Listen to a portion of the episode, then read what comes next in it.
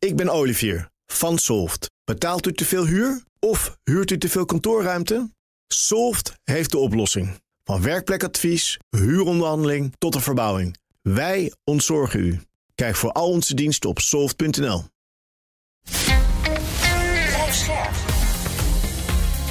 BNR Nieuwsradio.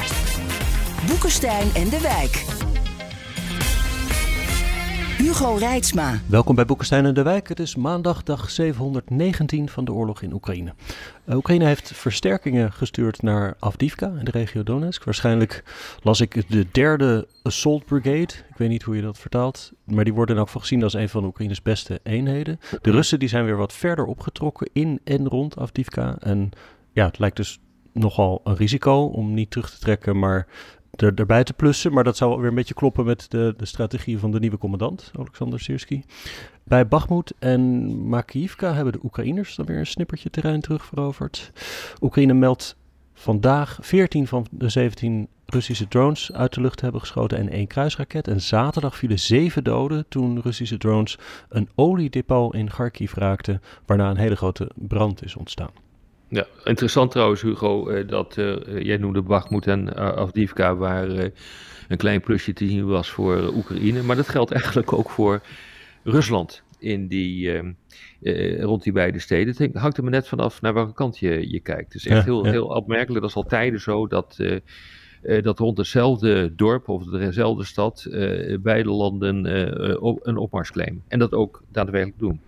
Ja, maar wel Rusland eigenlijk overal nu in het, in het offensief. Hè? Ja, dat is wel het beeld. Gewoon, maar als je gewoon kijkt wat er precies aan de hand is, dan, dan, ja, dan zijn ze eigenlijk overal uh, zijn ze in het offensief, behalve bij de Dnipro. Ja, bij die grote ja, rivieren ja. aan, het, helemaal in het, uh, in het westen van, uh, van het frontgebied. En wat, wat een interessante opmerking is, die ik gezien heb, is dat er steeds meer Russische schepen in de Zwarte Zee komen. Het schijnen nu 14, inclusief schepen waarvanaf je uh, raketten kan afvuren. En dat geeft wel te denken, want het enige echt zeer belangrijke succes wat Oekraïne de afgelopen tijd heeft geboekt, dat is dat ze die Russen uit de Zwarte Zee hebben weten te verjagen, althans helemaal naar de oostkant van de Zwarte Zee, waardoor ze de graanhandel, de graanexporten niet bedreigen. En daar lijkt nu een antwoord op te komen door Hm. Rusland. Maar dat is eng, want de luchtafweer, de, de raketten daarvan Ja. zijn op in maart. Hè? Ja, Dus dat is een Ja, dat klopt. Ja, dat klopt. Dus dan, eh, ja, dat wordt dus niet snel bijgeplust. En eh, ja, eh, er wordt natuurlijk nu ook enorm gekeken naar wat er gaat gebeuren. Daar hebben we het straks wel even over. In Amerika komt een, nieuw, een nieuwe hulpronde of komt die er niet? Want da- daar zal het ook zeer in belangrijke mate van afhangen of, of er inderdaad nog munitie die kant op komt. En anders, ja, weet je, ik, eh, ja, dat ziet er gewoon echt heel slecht uit. Ja, ik zag wel eens eerder genoemd dat is die luchtdoelmunitie eigenlijk een nijpender probleem is dan de artilleriemunitie voor het front. Ja. En het risico dan dus dat een groter deel van de Russische raketten er doorheen komt en dat, dat het dan ook nou ja, het stroomnet enzovoort en de economie daarmee kan platleggen. Nou ja, dan moet je meer monetair financieren en dan gaat de inflatie weer omhoog. Dus dat is een, een heel ander front zeg maar, van de strijd dan eh, de trenches. Maar dat, het kan net zo goed via die band helemaal mislopen. Ja, die, die raketten worden gebruikt en die, die, die, eh, die eh, operaties in het achterland met raketten en met drones, die worden gewoon gebruikt om de economie te slopen. Zo, zo simpel is het. Formeel zegt Rusland natuurlijk nee, nee, dat zijn allemaal militaire doelwitten. Die zijn Mhm. er ook. Want als je de elektriciteit eh platlegt, eh, ja, dan kan bijvoorbeeld de commandopost eh, bij wijze van spreken ook geen... eh, geen stroom krijgen, hoewel die wel een eigen stroomvoorziening zal hebben. Maar eh, ik bedoel, dat wordt natuurlijk eh, gezegd. En dat heeft ook te maken met de defensieindustrie die, die daarop functioneert. Dus ik bedoel, het, het raakt alles, maar vooral ook de burgers. Daarbij blijft natuurlijk ook nog steeds een hoofdpijndossier voor Oekraïne de recrutering hè, van nieuwe mensen. Er wordt al eindeloos gesproken over een nieuwe ronde van mobilisatie.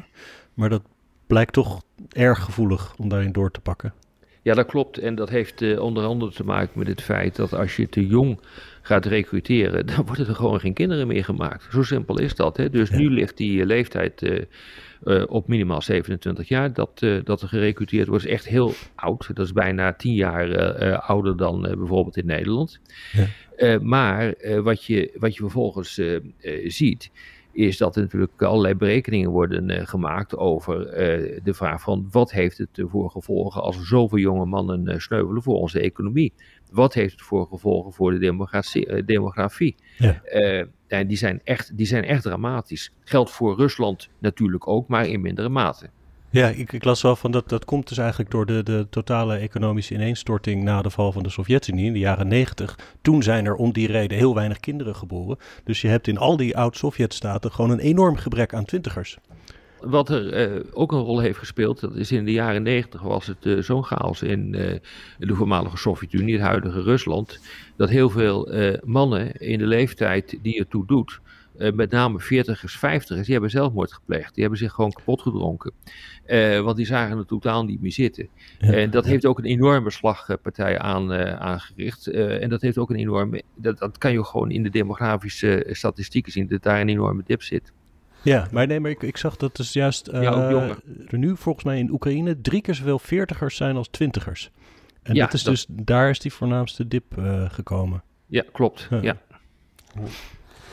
Nou, we weer berichten dat uh, Rusland die Starlink-terminals misschien heeft gejat uit het bezette gebied. We weten het niet. Hè? Dus die Elon Musk ontkent het dat het, uh, dat, is, dat het waar is, maar het schijnt wel echt waar te zijn. Ja, je hebt terminals op de grond nodig. Hè? Ja.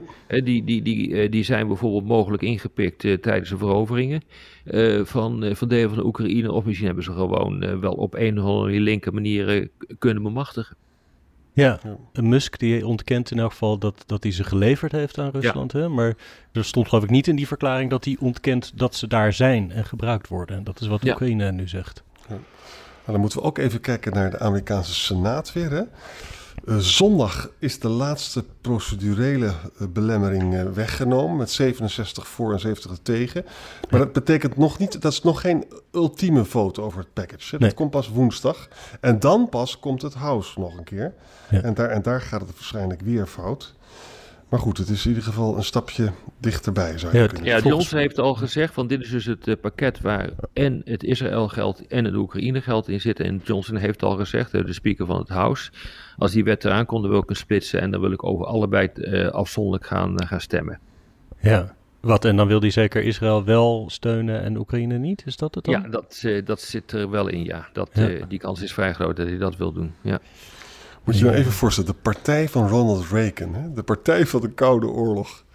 En die gaat zich dan nu tegen de, Oekraïne, tegen de wapenleveranties in Oekraïne. Het is ongelooflijk eigenlijk wat er gebeurt. Nou ja, dat doet Trump ook. Dus ja. ze, ze, lopen aan de leiband van, van Trump. Ja, dit is, dit is meer dan isolationisme. Dit is een uh, ontspoord politiek systeem, vind ik. ik bedoel, uh, God, het isolationisme is ook uh, diep geworteld in het Amerikaanse systeem. Dus je probeert je toch een beetje af te scheiden van, van de rest van de wereld, maar dat lukt niet. Dus af en toe moet je toch landen te hulp schieten. Dat is nou eenmaal de tragiek van een supermacht. Maar ja, als je dus, als je dus uh, dit ziet, dit is van een andere orde hoor. Dit, uh, er wordt wel gezegd, dit is ook isolationisme, maar ik geloof dat niet. Dit is gewoon een compleet ontspoord politiek systeem. Ja. ja. En Trump heeft er ook nog een keer uh, wat een ja. schepje bovenop gedaan. Dat ja. is echt de krankzinnigheid ten top. Hè. Hij zegt nu van ja, al die landen die, ja, al die landen die geen 2% hadden, daar was hij heel kwaad over in het verleden, terecht trouwens. Hè. Hmm. Die moeten, nou, dan moet Poetin die gewoon maar aanvallen. Ja, dan moeten ze maar gestraft worden. Ja, dan mag Rusland uh, doen wat het wil, zei, zei Trump uh, dit weekend ergens hè, op een campagnebijeenkomst. Het is echt weerzinwekkend. Gelukkig overigens zijn de Oost-Europese staten die halen de 2% gemakkelijk. Hè? Ja, ja. ja, wij natuurlijk nog steeds niet. Nee, hij kan Nederland aanvallen. Nederland aanvallen mag, ja. ja maar de Estland ja. niet. Tja. Ja.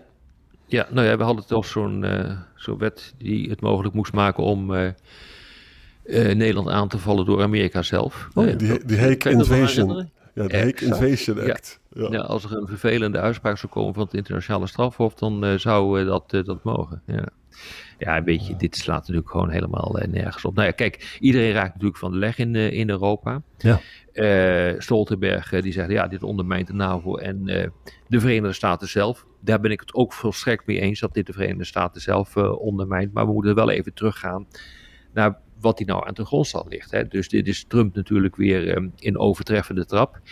Uh, maar goed, realiseer je dat toen hij net president was en hij werd gebriefd over de NAVO, uh, toen uh, werd hem verteld nou ja, als Litouwen wordt aangevallen, dan moeten wij Litouwen helpen te beschermen. Toen vroeg hij, dus we moeten Litouwen beschermen als er wordt aangevallen? Dat is toch idioot?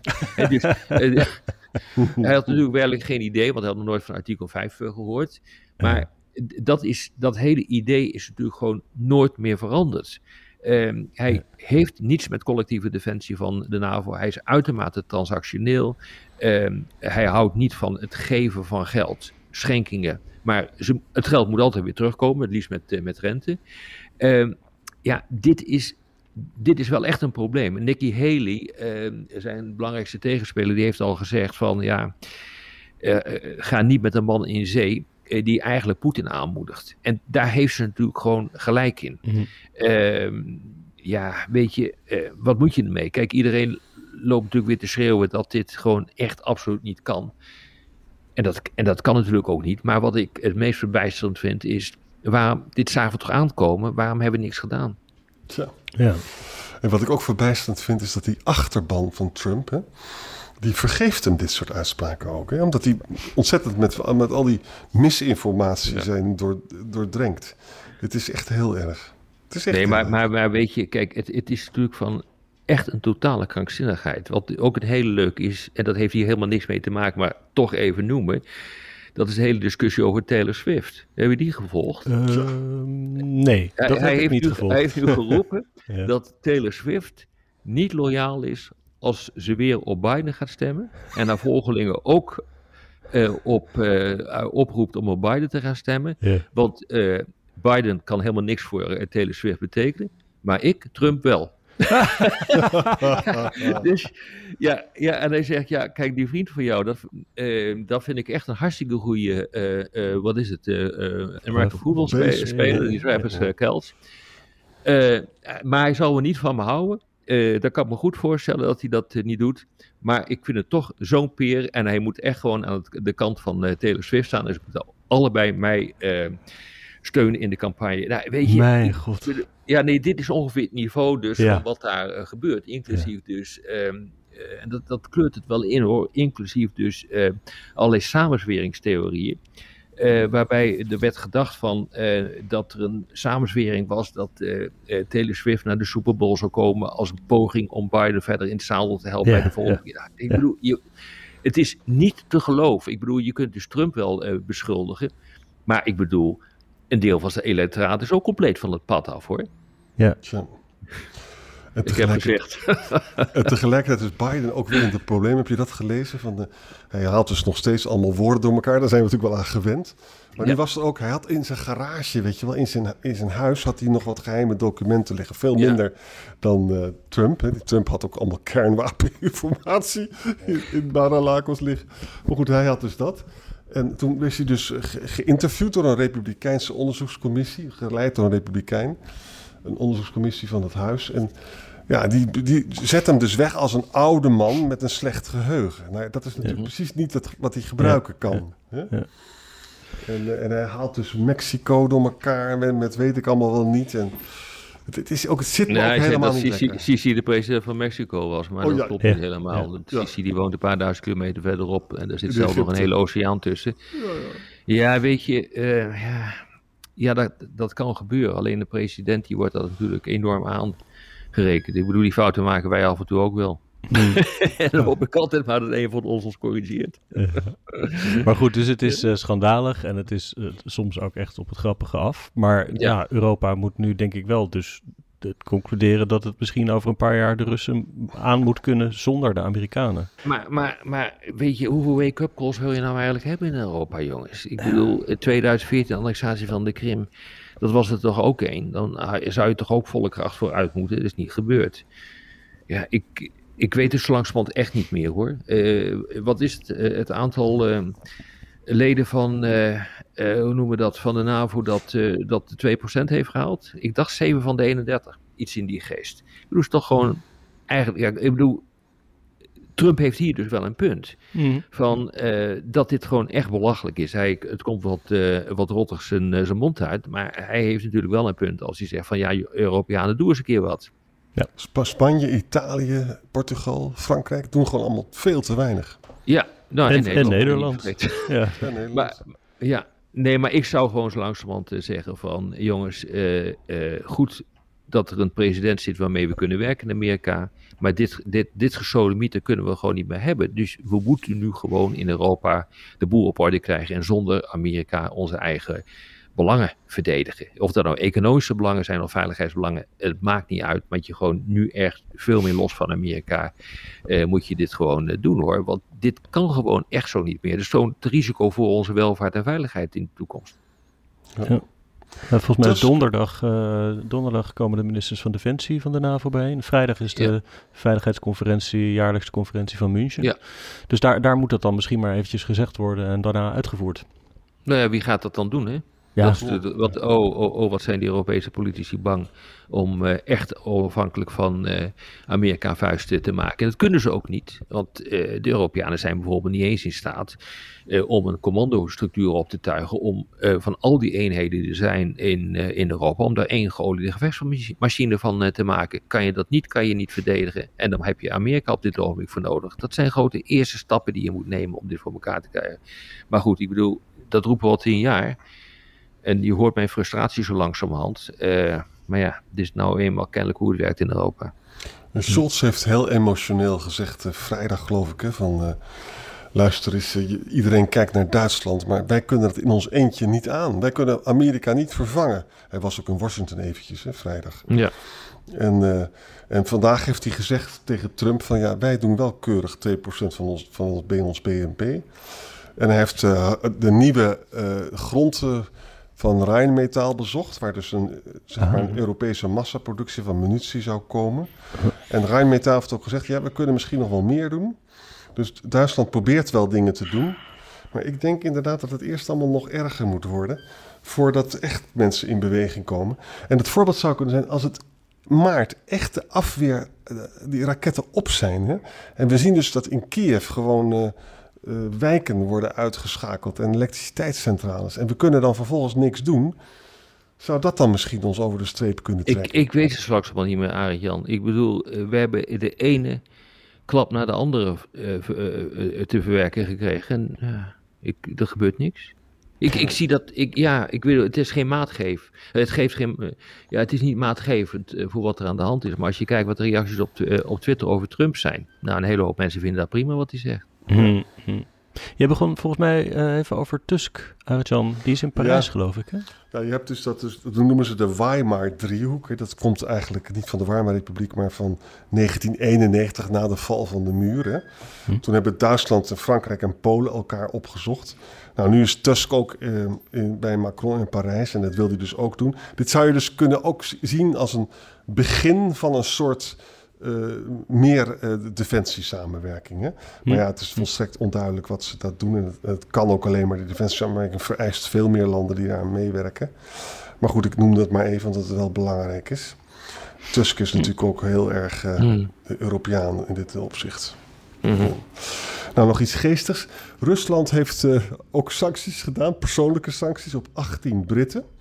Waaronder ook drie historici. Orlando Figes, Norman Davies, die man met dat dikke boek over Europe, weet je wel. En James Shear. En wat, wat hebben ze gedaan? Zij demoniseren Rusland. Dus oh nee. Eigenlijk, ik wil dus ook een beetje uh, Rob de Wijk een beetje waarschuwen. Dat hij niet zegt zeg maar alleen maar aardige dingen over Rusland in je nieuwe boek. Ja. Dan krijg je ook persoonlijke sancties aan je boek. dan moet ik er wel flink herschrijven, eerlijk gezegd. Hij is bijna klaar. Er wordt nu gecorrigeerd, maar uh, ja, dan moet ik hem echt wel flink herschrijven. Maar ik weet het niet of ik dat zo erg zou vinden hoor, want het is denk ik wel heel goed voor de boekenverkoop, jongens. We nodigen de Russische ambassadeur gewoon uit in de podcast, dan hebben we een shouting party. Ja. Ik vind dat podcasts ook op de zwarte lijst moeten kunnen van Moskou. Dat is ja. toch. Uh, ja. ja. We hebben, ons hebben ze even over het hoofd. Ja, goed. Ik bedoel, uh, met die, met die uh, historici. Ja, James Shear, die ken ik goed. Die, uh, dat is volgens mij eigenlijk niet eens een historicus, dat is een hele degelijke Rusland-kenner. Ja. Uh, maar ja, goed, ik bedoel, als je dus de, de opperhistoricus van Rusland tart, ja, dan kan je natuurlijk dit wel verwachten. ja, ja. ja.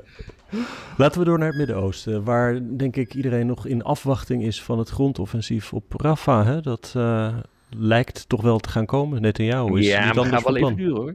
Ja, dat klopt, maar dat gaat wel even duren. Want het, kijk, uh, Israël zegt we werken nu aan een gedetailleerd uh, plan.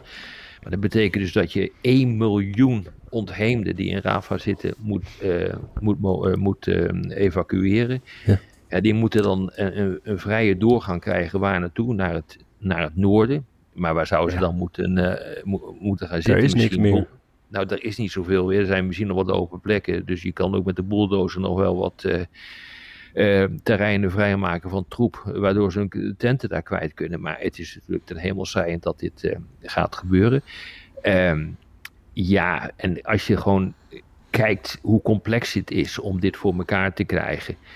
Ehm, en de kritiek die er op dit ogenblik is over de mogelijkerwijs catastrofale implicaties. Ja, weet je, dit is wel een, een hoog risico operatie hoor. Uh, een hoger risico dan de rest. Weet je, ze willen ook, ze overwegen ook een kuststrook, uh, weet je, dus langs de zee. Maar er is geen water, dus dat valt dan ook weer af. In het noorden is te weinig ruimte. Er zitten dus, uh, normaal zitten in Rava 300.000 mensen. Er zitten er dus nu 1,2 miljoen. Ja. De mensen zijn al zes keer verplaatst. Het is echt god geklaagd. En ze hebben nu midden in Rava hebben ze dus twee gijzelaars bevrijd. Hè? Ja. En dat hebben ze gedaan onder uh, luchtsteun. En die luchtsteun heeft, uh, ja, die heeft 67 Palestijnen gedood en dozijnen gewonden opgeleverd. Mm -hmm. En dat levert dan dus twee gijzelaars die dan vrijkomen. En van de 136 gijzelaars die er, er nog uh, in gevangenschap zijn, zijn er 30 waarschijnlijk overleden. Dus als je nou het lijstje doet, hè, in oktober hebben ze één gijzelaar bevrijd. In december hebben ze drie gijzelaars per ongeluk doodgeschoten. Hmm. En nu hebben ze er twee bevrijd. Dat zijn er dus drie. Kijk, het is de, de gedachte dat je zo'n agressieve operatie kan doen... en tegelijkertijd ook gijzelaars vrij kan krijgen... dat klopt natuurlijk. Er bestaat spanning hè, tussen militaire inspanning... en onderhandelen over gijzelaars. Dus het is treurig. En je ziet ook dat internationaal, hè, Cameron, stop and think seriously, Sunak ook, Rutte. Biden. Ja, Biden nee, ook. Biden ook heeft, ga niet ja. te ver. Doe er alles uh, uh, voor om een oplossing te vinden voor die ontheemden. Ja. Rutte is nu ook echt voor een staakt het vuren. Die is er vandaag ook weer. En, ja, die heeft met Netanyahu gesproken en met Staje, als ik het goed uitspreek, de Palestijnse premier. Ja. Maar Netanyahu heeft daarna ook weer herhaald dat hij uh, gewoon doorgaat. Nou, ik denk dat dat het grote probleem is. Dus je kunt, uh, het is net alsof je tegen een, een boksbal aan het praten bent. Uh, die, die praat ook niet terug. En je kunt er tegen slaan wat je wil, maar dat ding gaat ook niet kapot. En dat is eigenlijk wat, wat Netanyahu is. En het, het, het, enige luchtpuntje is, hij zegt, nou, als we dus Rafa pakken, dan is dat de laatste fase. Daarna moet het, uh, oh, uh, daarna moet het klaar zijn. Dus de overwinning zijn woorden is onderhand bereik. Maar goed, ik bedoel, um, uh, je ziet nu echt overal in de wereld dat er, dat er zoveel um, oppositie hier tegenkomt. Dat ik me werkelijk afvraag ja, wat dit voor Israël in de toekomst gaat doen. En ook de, militaire strategie is gewoon van het begin af aan problematisch geweest. Hè? Israël zegt nu zelf dat ze 12.000 Hamas-strijders heeft gedood. Ik waag dat te betwijfelen. En we weten dat er ongeveer 30.000, misschien nog iets meer Hamas-strijders zijn. Nou, je kan proberen de helft daarvan te doden. De experts zeggen dat dat heel lastig gaat worden en lang gaat duren. Maar dan gaat die ideologie gaat natuurlijk gewoon door. Dit leidt tot Hamas 2.0. Er zijn genoeg mensen op de Gazastrook. Die had, liepen toch al niet over van liefde voor Israël. Die nu echt vol met haat uh, zitten. Ja, dus, want het, het, het, de steun van Hamas is gestegen. Ja. ik, heb dat, uh, ik heb dat nog eens even opgezocht, want die, uh, die, die, die opiniepeilingen zijn best wel interessant. Dat zijn niet over vele, vele tienduizenden mensen, maar wel redelijk representatief. Moet je toch constateren dat pakweg de helft van de bevolking in Gaza gewoon Hamas steunt. Ja. Dus de helft niet, maar de, de helft dus wel. En dat vind ik wel redelijk veel, want je zou natuurlijk ook kunnen zeggen van bevolking, zeg even tegen Hamas dat ze tot een vergelijk moeten komen. Dat doen ze ook niet. Ja. Hm. Hamas heeft gezegd dat als een grondaanval op Rafah wordt uitgevoerd, dat er dan geen deal meer kan komen over de resterende gijzelaars. Egypte heeft gedreigd mm. het vredesakkoord uit 1979 met Israël op te zeggen. Uh, ik, zag, ik zag erbij staan, die regeling heeft ook van een soort beperking van het aantal troepen in het grensgebied is daarin geregeld. Ja. Dus dat zou ook weer betekenen dat Israël er weer rekening mee moet houden. En daar ook aan gekoppeld ja. is uh, Amerikaanse financiële en wapensteun voor Egypte. Dus dat maakt het voor Egypte dan weer lastiger om zoiets daadwerkelijk te doen. Maar het is wel, um, het is wel wat, denk ik. Het vredesakkoord Nou ja. met Egypte, als je dat opschort. Zeker. En eh, kijk, Egypte die vreest natuurlijk toch voor een influx van, eh eh, van ontheemden die dan ineens vluchteling eh, wordt hè, vanuit Gaza. Ik bedoel, hoe dat zou moeten weet ik ook niet, want die mensen worden natuurlijk aan alle kanten worden ze tegengehouden, want ze kunnen het, het gebied niet uit. Maar goed, ik bedoel, ik, eh, ik eh, moet nog zien hoe dat, eh, hoe dat gaat lopen. Als het helemaal totaal compleet uit de klauwen loopt in, in Rafah. En dan zou het best wel eens kunnen zijn dat er toch mensen doorheen komen. Ik heb geen idee, maar ja, het is ook wel plausibel dat dat gaat gebeuren. In ieder geval vreest Egypte dit. En Egypte schiet dan ook op mensen. Hè? Die wil absoluut geen Palestijnen daar in kampen hebben. Nee, die eh, neemt dan het probleem van Israël over. Dus dat willen ze absoluut niet. Ja. Maar, go- maar goed, ik bedoel, kijk nu wat er gebeurt. Hè. Eh, ik denk dat jullie hebben ook gevolgd wat er in Nederland is gebeurd met de uitspraak van de rechter om geen F-35 Ja. onderdelen naar Israël eh, te sturen. Want de kans zou groot zijn dat die worden gebruikt bij schendingen van het oorlogsrecht, heeft het eh, Hof gezegd. Ja. Het ministerie van Buitenlandse Handel gaat in cassatie overigens. Tegen die uitspraak. Ja. Wat vinden we daarvan? Arend-Jan? Nou kijk, op zichzelf genomen, ik kan me dus voorstellen dat, je, dat, dat wat Israël doet, dat dat in strijd is met internationaal recht. Ik kan me dus die uitspraak van die rechter goed eh, voorstellen. Dat is de eerste opmerking. Tweede opmerking is, bedenk wel dat dit een juridificering is van je buitenlands beleid. Hè? En dat kan in andere situaties heel slecht uitpakken. Bijvoorbeeld, stel je voor dat je een bloeiende Europese defensieindustrie wil opzetten, omdat je Oekraïne van munitie wil, vol, eh, wil voorzien. Hè? Ja, dan waarom zou je nog in Nederland een munitieindustrie eh, opzetten als je weet dat de rechter zomaar kan zeggen dat dat niet mag? Ja, of, of eh, eh, ja, zeker. Of bijvoorbeeld je gaat eh, munitie leveren, lange afstand wapens leveren, waarmee doelen in Rusland te kunnen worden getroffen die niks militairs in zich hebben, maar, maar civiel zijn. Ja, ja, het is wel heel erg lastig hoor, dit. En Nederland is dus ook een belangrijke schakel hè, bij de F-35, omdat Woensdrecht een hele grote wereldwijd distributiecentrum is voor de reserveonderdelen voor de F-35. Zeker. En Nederland heeft zich eh, in alle bochten gevrongen om onderdeel te zijn van dat hele eh, F-35-systeem. En nu doe je dit. Ja, we denken dat dat de Amerikanen gaan doen. Of andere landen die zeggen, ja hoor eens even, maar dit willen we niet. Eh, Nederland is een onbetrouwbare partner. Haal weg al die troep uit, eh, uit Nederland.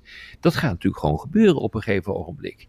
Eh, nou is er één groot voordeel. En dat is dat ook in andere landen is er enorm veel protest tegen wat Israël aan het eh, doen eh, is. Eh, Cameron, die wordt er nu mee, de minister van Buitenlandse Zaken van Engeland, die wordt er nu mee geconfronteerd.